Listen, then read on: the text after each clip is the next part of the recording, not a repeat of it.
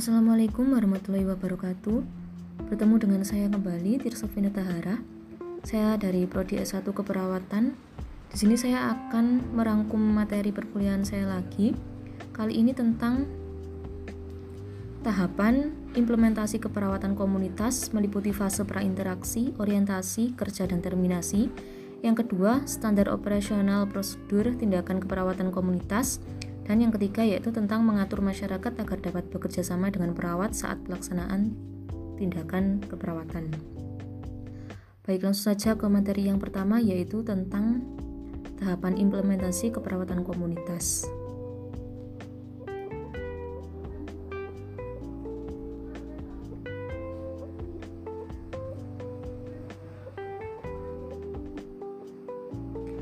Pengertian implementasi keperawatan adalah salah satu tahap dari proses keperawatan di mana perawat mendapatkan kesempatan untuk membangkitkan minat masyarakat dalam mengadakan perbaikan ke arah perilaku hidup sehat. Implementasi keperawatan dilaksanakan terkait dengan rencana yang telah disusun.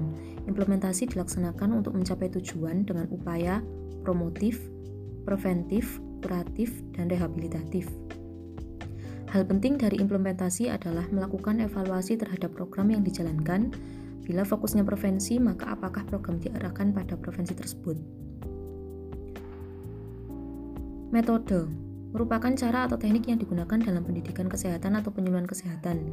Jenis-jenis metode antara lain yaitu metode pendidikan individual yaitu bimbingan, diskusi, demonstrasi atau interview. Selanjutnya adalah tahap-tahap implementasi pada keperawatan komunitas. Yang pertama yaitu tahap prainteraksi.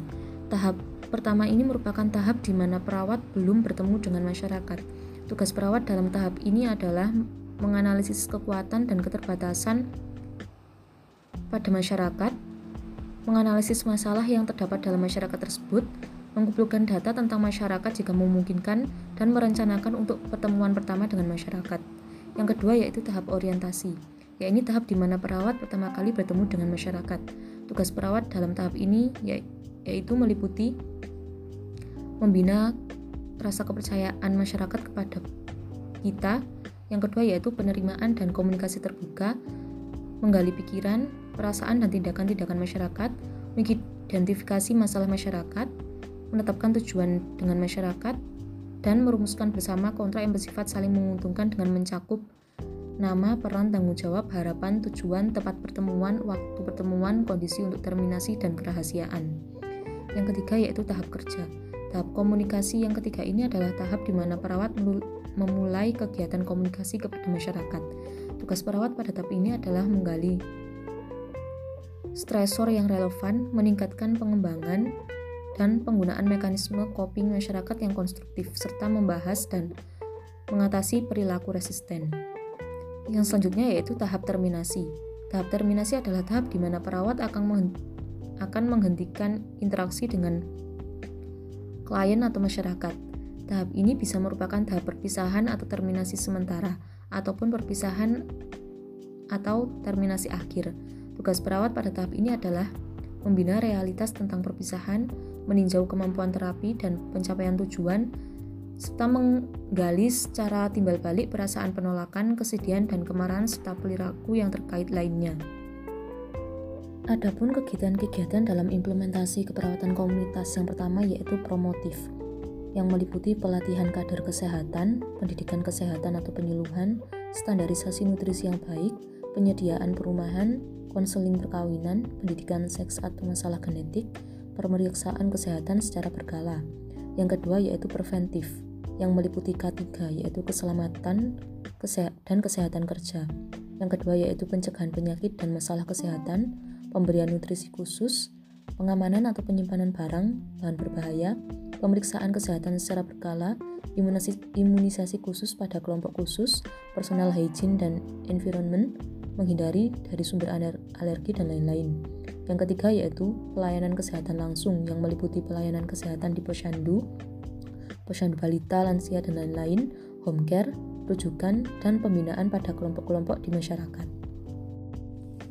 Yaitu tadi tentang materi yang pertama yaitu tahapan implementasi keperawatan komunitas. Selanjutnya yang kita bahas yaitu SOP tindakan keperawatan komunitas. Baik, yang pertama adalah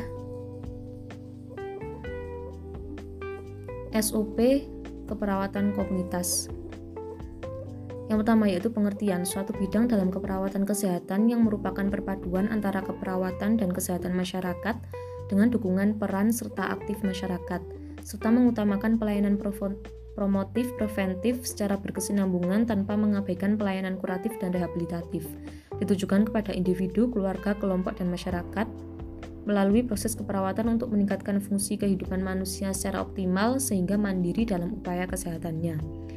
Adapun tujuannya yaitu sebagai acuan penerapan langkah-langkah pembuatan asuhan keperawatan komunitas. Selanjutnya yaitu kebijakan di, yaitu SK Kepala Puskesmas nomor sekian garis miring sekian garis miring 2000 Sekian tentang SOP pembuatan asuhan keperawatan komunitas. Ya, selanjutnya yaitu prosedur. Terdiri dari yang pertama yaitu mempersiapkan buku dan format tindakan keperawatan. Yang kedua yaitu petugas mengumpulkan data baik dalam gedung dan luar gedung. Yang ketiga yaitu penentuan prioritas masalah kesehatan yang perlu dibina. Yang keempat yaitu menentukan prioritas sasaran yang perlu dibina. Yang kelima yaitu melaksanakan kunjungan rumah kepada sasaran minimal enam kali kunjungan atau kontak dengan keluarga. Yang keenam yaitu memantau dan mengevaluasi hasil kunjungan. Yang ketujuh yaitu hasil kunjungan dituangkan dalam format tindakan perawatan yang tersedia untuk selanjutnya dikumpulkan diarsipkan ke Perkom. Selanjutnya yaitu unit terkait meliputi posyandu, bidang desa dan program terkait. Yang keenam yaitu referensi meliputi pedoman penyelenggaraan upaya keperawatan kesehatan masyarakat di Puskesmas dan pedoman kegiatan perawatan kesehatan di Puskesmas, Direktorat Bina, Pelayanan Keperawatan, Direktorat Bina Pelayanan Medik. Adapun SOP dalam penyuluhan kesehatan, di sini saya mengambil penyuluhan kesehatan dalam gedung, yaitu yang pertama pengertian kegiatan penyuluhan yang ditampilkan di institusi bersangkutan seperti puskesmas atau puskesmas pembantu. Adapun tujuannya yaitu tercapainya perubahan pengetahuan, sikap dan tindakan positif dari individu atau masyarakat dalam bidang kesehatan. Yang ketiga yaitu alat dan bahan.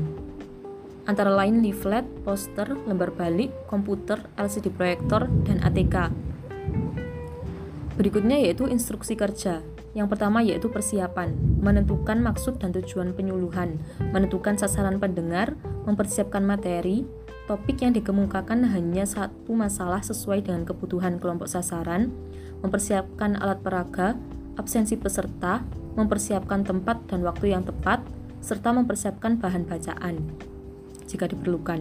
Yang kedua yaitu pelaksanaan, yang meliputi perkenalan diri, mengemukakan maksud dan tujuan, menjelaskan poin-poin isi penyuluhan, menyampaikan penyuluhan dengan suara jelas dan irama yang tidak membosankan, tujukan tatapan mata pada setiap pendengar dan tidak tetap duduk di tempat, selingi dengan humor segar, penggunaan bahasa sederhana, ciptakan suasana yang rileks atau santai, pancing pendengar agar turut berpartisipasi, jawab setiap pertanyaan secara jujur dan meyakinkan, sediakan waktu untuk tanya jawab, menyimpulkan penyuluhan sebelum mengakhiri penyuluhan, tutuplah penyuluhan Anda dengan mengucapkan terima kasih. Bila ada bahan bacaan, sebaiknya dibagikan setelah penyuluhan selesai. Adapun unit terkait yaitu rawat jalan, rawat inap, dan UGD. Ya, itu tadi tentang materi SOP tindakan keperawatan komunitas. Selanjutnya yaitu masuk ke materi yang terakhir yaitu tentang mengatur masyarakat agar dapat bekerja sama dengan perawat saat pelaksanaan tindakan keperawatan. Yang pertama, strategi yang dapat dilakukan perawat yaitu yang pertama, perawat harus bisa memahami masyarakat di daerah tersebut agar dapat diketahui komunikasi seperti apa yang harus dilakukan demi lancarnya kegiatan tersebut.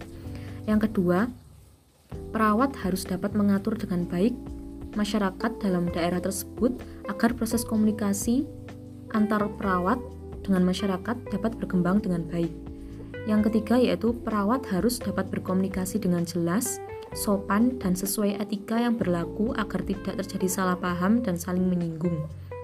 Yang keempat yaitu perawat harus bisa saling menghargai perbedaan budaya yang ada dalam masyarakat tersebut. Yang kelima yaitu perawat tidak boleh menyela pembicaraan yang dilakukan masyarakat tersebut saat masyarakat tersebut bertanya kepada perawat. Yang keenam yaitu perawat harus selalu memperhatikan masyarakat atau orang dalam masyarakat tersebut yang mengajak berbicara. Yang terakhir yaitu perawat harus bisa memberikan respon yang baik.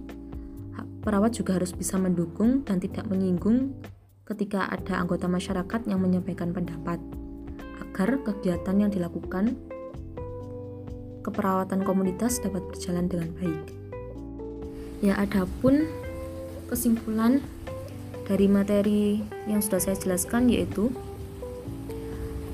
tahapan implementasi keperawatan komunitas meliputi fase interaksi, orientasi, kerja, dan terminasi.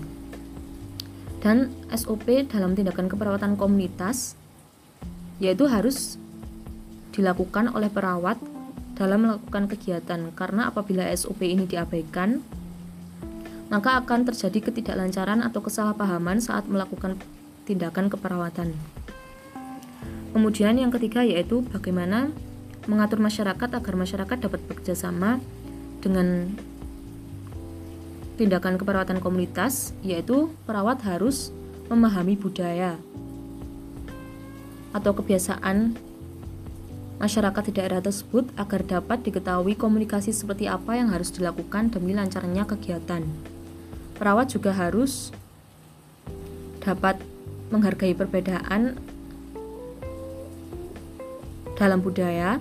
Kemudian perawat juga harus bisa berkomunikasi dengan jelas, sopan, dan sesuai etika yang berlaku agar tidak terjadi kesalahpahaman dan saling menyinggung antara perawat dengan masyarakat di daerah tersebut. Ya sekian penjelasan dari saya tentang rangkuman materi perkuliahan saya. Semoga ini semua bisa bermanfaat bagi semuanya. Terima kasih. Wassalamualaikum warahmatullahi wabarakatuh.